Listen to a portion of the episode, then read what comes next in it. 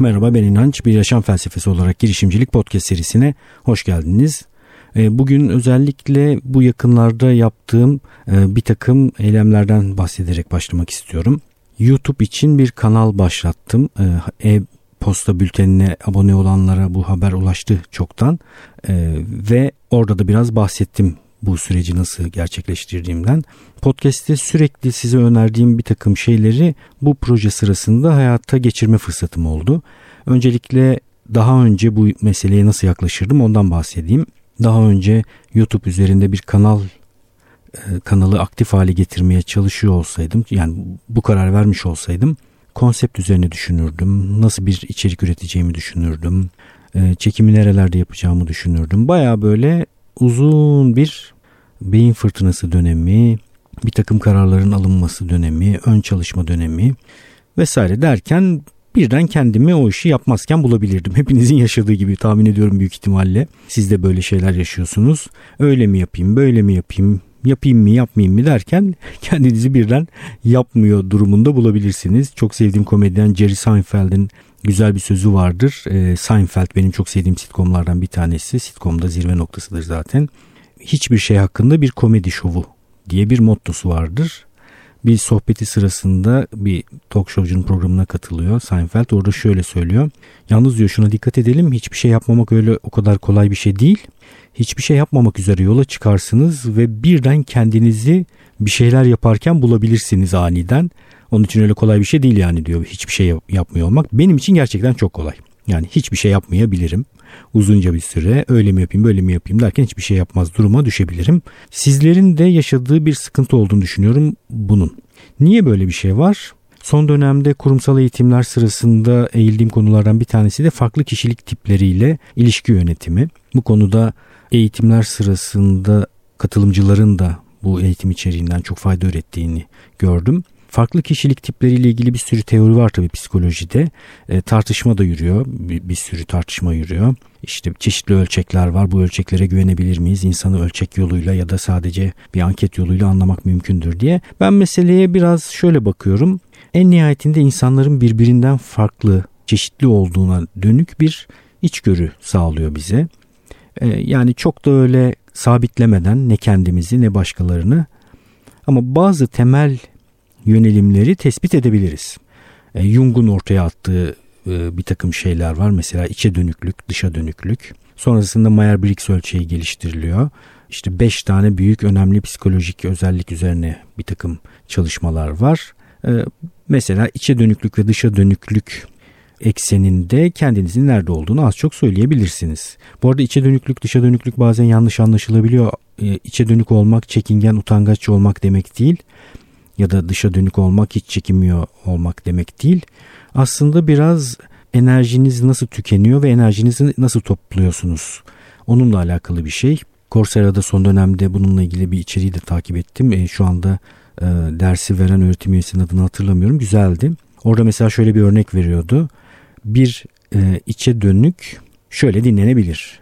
Güneş batarken e, hamağında e, bir kitap okurken sakin bir şekilde bu mesela içe dönük için şarj olmanın yöntemidir. Çok yorulduğu dönemlerde böyle bir manzarada böyle bir durumun içerisinde gayet güzel dinlenebilir. Bir dışa dönük ise 15-20 tane arkadaşının ellerinin üzerinde yükselmiş bir şekilde bara tekille almaya böyle uçar vaziyette giderken o gürültünün enerjinin içerisinde dinleniyor olabilir diyor. Biraz bununla alakalı. Ya da şöyle düşünün sosyal durumlarla çok boğuştuğunuzda, çok fazla insanla görüştüğünüzde, çok kalabalık ortamlarda bulunduğunuzda dinlenme ihtiyacı hissediyorsanız içe dönük tarafınızın baskın olma ihtimali biraz yüksek. Ya da böyle şeyler sizi ferahlatıyorsa biraz daha dışa dönük olabilirsiniz. Cuma günü iş bittiğinde eve gitsem de şöyle bir sakin sakin televizyon izlesem kendi başıma kalsam diyorsanız biraz daha içe dönük tarafta olabilirsiniz. Ya da bir yerlere gidip eğlensem arkadaşlarımla hoşça vakit geçirsem dans etsem diye düşünüyorsanız iş bitiminde dışa dönük eksende biraz daha bulunmanız mümkün. E bunun gibi işte ne bileyim başka şey, unsurlar var, eksenler var. Kişilik tipleriyle ilgili önemli olanlardan bir tanesi de şu algısal ve yargısal ikilisi.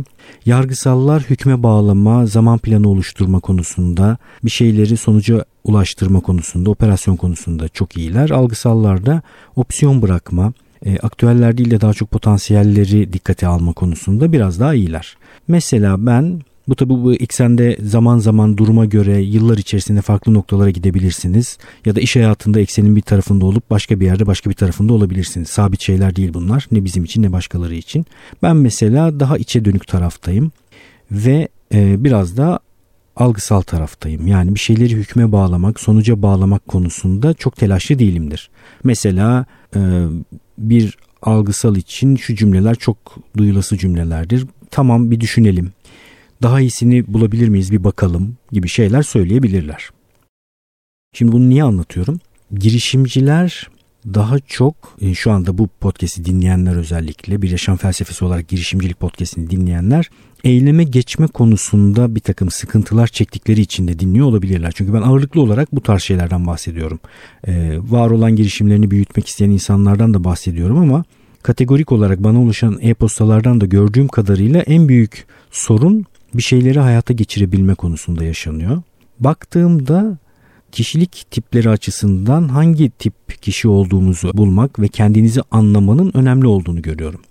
Ben mesela böyle opsiyon oluşturan, seçenek oluşturan, yaratıcı tarafımı operasyonla biraz birleştirmem gerekiyor. Onun için ya da tam tersini düşünelim aşırı operasyon eğilimli, aşırı zaman planı eğilimli, son tarihlere çok özen gösteren birisi yargısal bir kişilik tipinin de biraz daha hayatında zenginliğe, çeşitliliğe, renkliliğe ya da seçeneklere alan açması gerekiyor.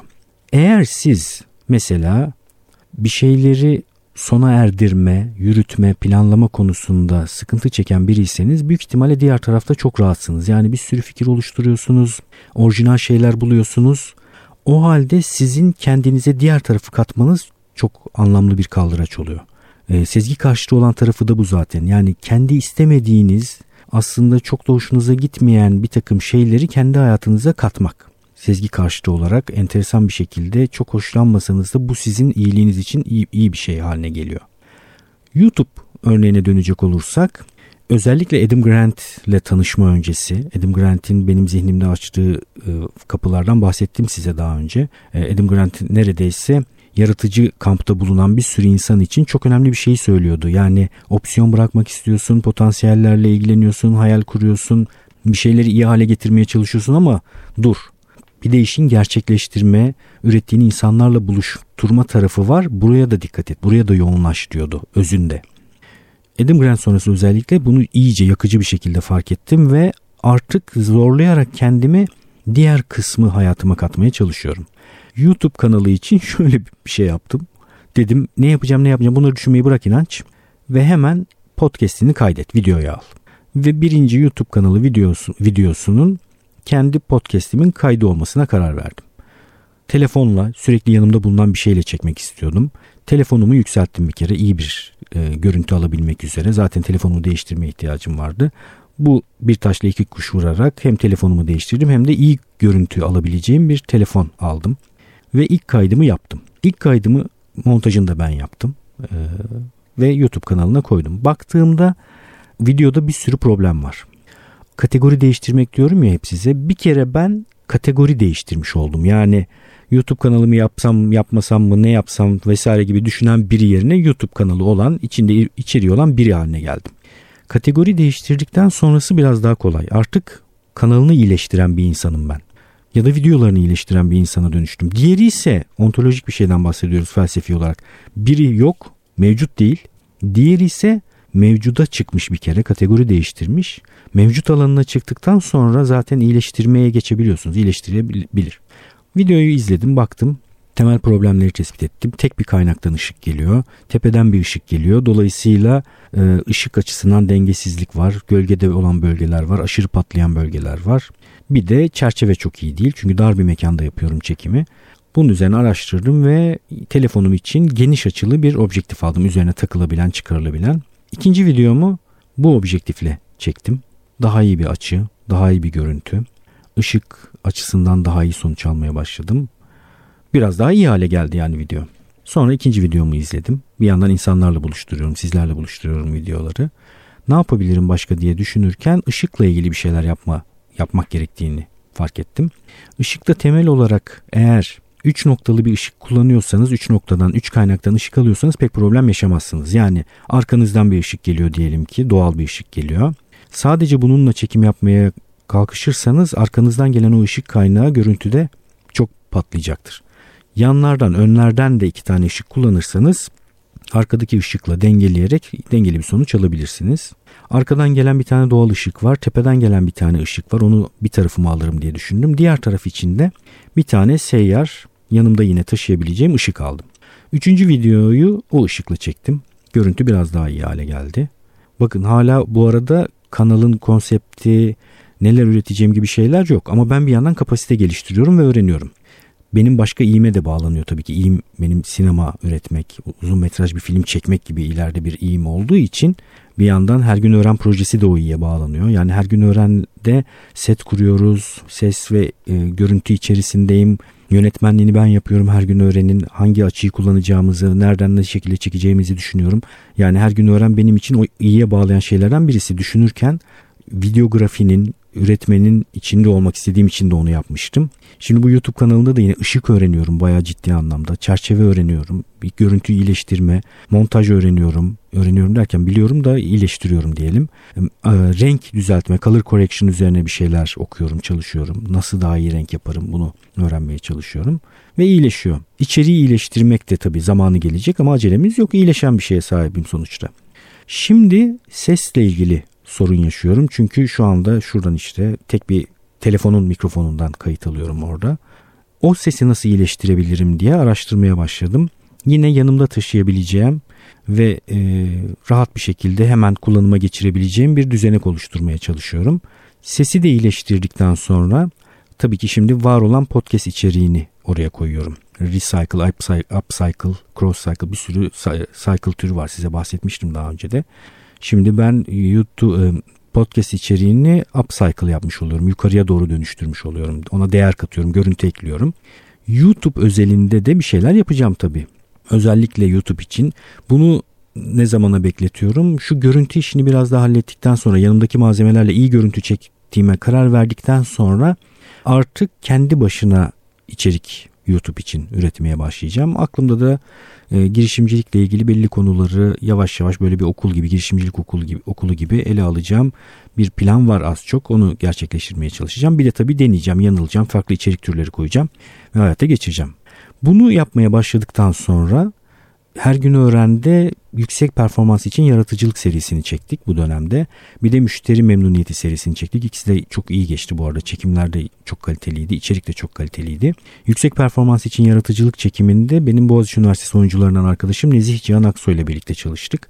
Şimdi bir araya gelmenin de böyle güzel bir tarafı var. Kafa kafaya veriyorsun, birbirine ilham veriyorsun. Birden YouTube için güzel bir şey yapalım dedik.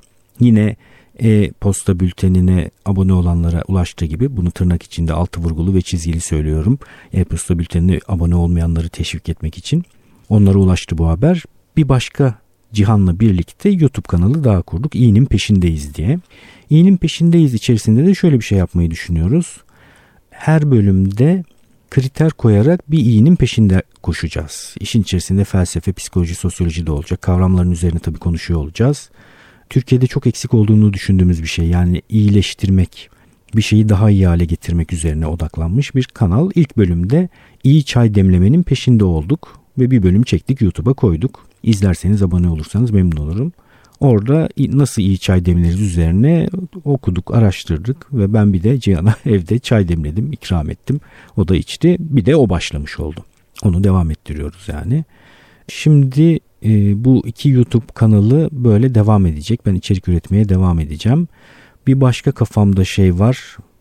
Şu aralar dikey video formatı üzerine düşünmeye çalışıyorum. Yani başta ben benim de karşı durduğum bir şeydi dikey video formatı. Nedeni çok basit. İnsan gözü yatayda görüyor. Sinema perdesinin yatık bir dikdörtgen olmasının nedeni insanın dış dünyayı görme biçimini simüle ediyor olması. Onun için ilk başta telefonlarıyla dikey video çeken insanlarla dalga geçiyordu bayağı bu sinematografi konusunda ilgili insanlar, görselliğe meraklı insanlar dikey video çekilmez diye bas bas bağırdılar. Ama e, gerçeklere de göz kapamamak lazım. Yani bir şekilde kendi estetiğini oluşturmaya başladı dikey format.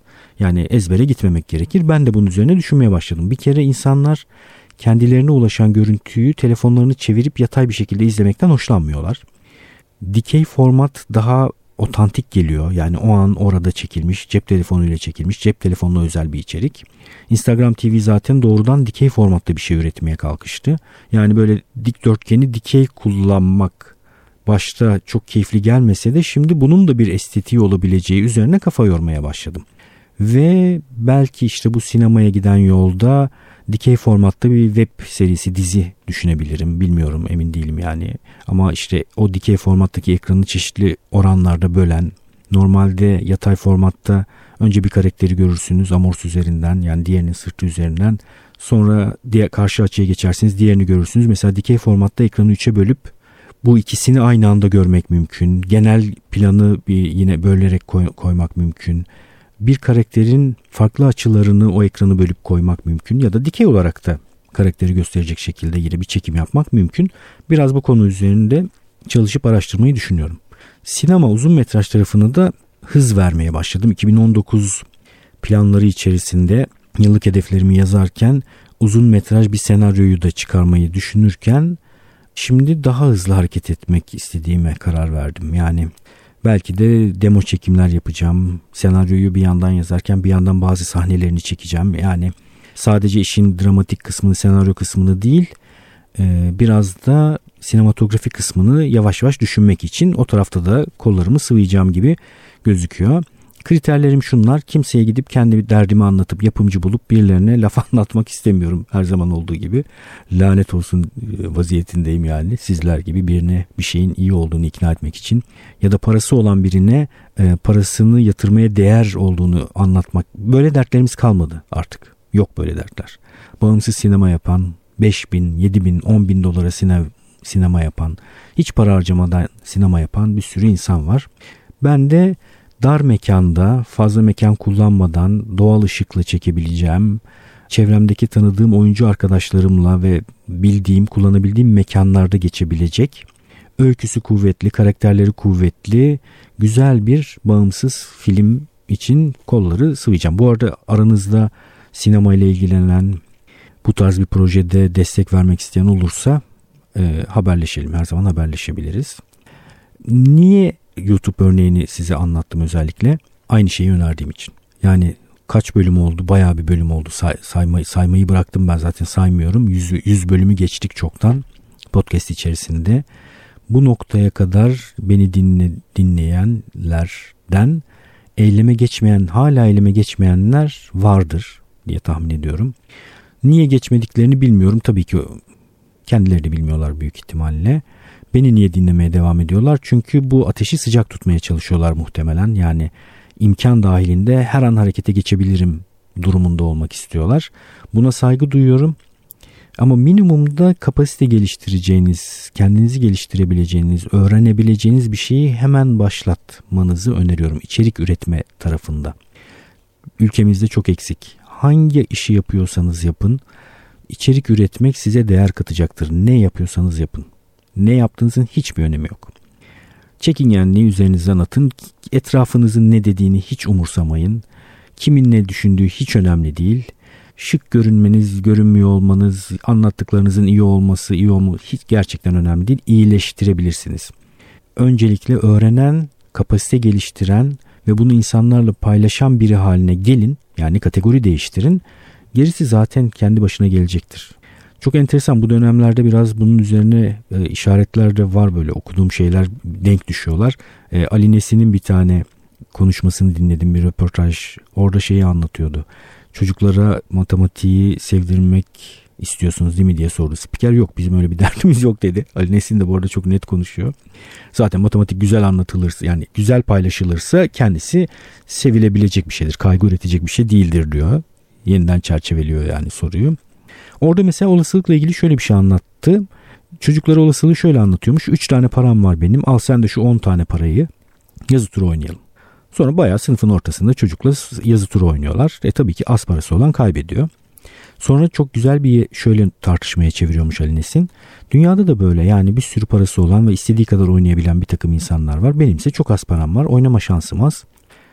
Ve kaybedebiliyorum. Onun için benim korunmam lazım gibi bir şeye bağlıyor. Çok ilginç Nasim Talep'ten bahsetmiştim daha önce. Nasim Talep de böyle bir şey söylüyor değil mi? Yani bir kere deneyebiliyorsan, tek deneme şansın varsa battın. Kendini deneyebilir halde tutman gerekiyor.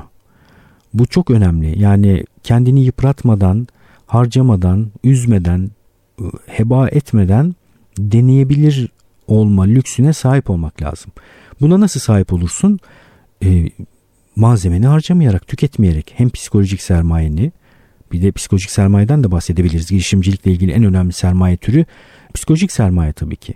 Hem kendi enerjini, psikolojik sermayeni tüketme hem de yatırım yapma gücünü, biriktirdiğin parayı küçük küçük denemeler yap. Hiçbir şey yapamıyorsan hiç para kullanmanı gerektirmeyen bir takım denemeler yap. Böylece sen de sürekli çünkü bu böyle hayal kırıklığı oluşturan en önemli tarafı şu. Yani sanki hemen sonuca ulaşılabilecek bir şeymiş gibi algılanabiliyor girişimcilik seyahati yolculuğu. Öyle bir şey değil. Girişimci olmanın kendisinden keyif alan bir insan her yerde girişimci gibi yaklaşabiliyor, davranabiliyor. Bunu da daha önce konuştuk. Yani kurumun içerisinde de girişimci kurumsal girişimci olarak yaklaşabilirsiniz ya da kapasite geliştiriyor olabilirsiniz. Bu arada çok enteresan e, bana kurumsalda çalışanlardan ulaşanlar oldu. E, benim bu çerçevelemeyi anlattığım episodu dinledikten sonra podcast'te yani e, bir tane hastanede yapılan araştırmayı anlatmıştım hatırlarsanız. Sağlık çalışanları, temizlikçiler nasıl yaklaşıyorlar mesleklerine diye.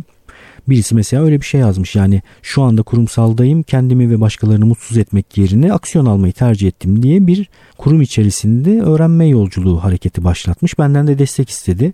İsmini şu an paylaşıp paylaşamayacağımı sormadığım için paylaşamıyorum ama canı gönülden tabii ki destek olurum dedim. Öyle bir öğrenme serisi şu anda kurum içerisinde podcast'i dinleyen dinleyicilerden birisi tasarlıyor. Kurumsaldaki eğitimlerde çok podcast dinleyicisine rastlıyorum. Orada çok ilginçtir. Yani şu ana kadar e, 4 tane eğitimde 4 farklı podcast dinleyicisiyle karşılaştım. Beşinciyle de asansörde karşılaştım. Eğitimin içerisinde değil de e, çok hoşuma gidiyor benim bu kurumsalda devam edip podcast'i dinleyen insanlar olması. E, girişimci insan, iyi insan yani iyi insan diyebiliriz değil mi? Yani bu podcast içerisinde aslında iyi insanı da bir miktar tarif etmeye çalışıyoruz. İyi insan her yerde iyi insan. O da içeride olan insan, aktüellerle boğuşmayan, potansiyellere bakan insan, psikolojik sermayesi güçlü insan bulunduğu yerde pırıl pırıl parlıyor. Etrafına da neşe saçıyor. Kendisi de neşeli, mutlu. Yani e, bu hali, bu iyi olma halini kaybetmemek lazım. Bu iyi olma halini kaybetmemek için de meseleyi sadece ekonomik bir mesele olarak görmemek gerekir. Meseleyi sadece ekonomik bir mesele olarak görünce hüsranla dolabilir insan. Çünkü e, işin ekonomik tarafı sizle birlikte başka bir sürü faktörün denk düşmesine de bağlı olabiliyor. Tabii ki her zaman çok çalışan, doğru teknikleri kullanan, kaldıraç kullanan er ya da geç kazanacaktır ama e, 3 lirayla yazı tura oynuyorsanız şansınız az ekonomik anlamda. Uzun bir kayıt oldu. E, kendi kayıtlarımda genelde bölmüyorum. E, ayrı ayrı kaydediyorum ama bu sefer bölmeden devam edeyim istedim. Birinci bölümün sonuna geldik. İnançayar.com'dan e, bana ulaşabilirsiniz. E-posta bültenine abone olabilirsiniz. Instagram İnançayar hesabını takip edebilirsiniz. Girişiminizle ilgili bana soru sorabilirsiniz. Eğer takvimleşmeye çalışıp görüşemediysek küsmeyin, bana kızmayın. Bir şekilde takvime atamadığım için e, sonuca ulaşmamıştır. Tekrar hatırlatın lütfen. Bir şekilde oturup görüşürüz, sohbet ederiz. Birbirimize ilham veririz. Görüşmek üzere.